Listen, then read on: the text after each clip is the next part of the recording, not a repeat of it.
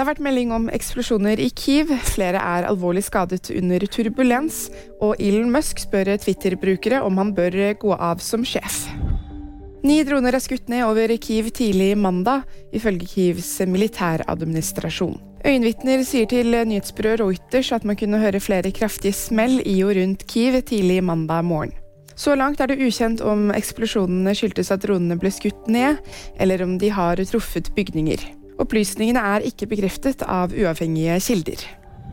Elleve personer endte på sykehus med alvorlige skader etter at et fly ble utsatt for kraftig turbulens på Hawaii. Skadene inkluderer en alvorlig hodeskade, kutt, blåmerker og bevisstløshet. Det var 288 personer om bord på flyet fra Hawaiian Airlines som var på vei fra Phoenix til Honolulu.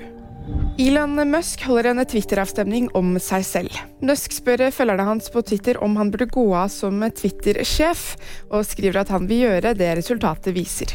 Denne avstemningen stenges ti på halv tolv norsk tid, og på nåværende tidspunkt ønsker flertallet at Musk går av. VG-nyheter fikk du av meg, Ingrid Alice Mortensen.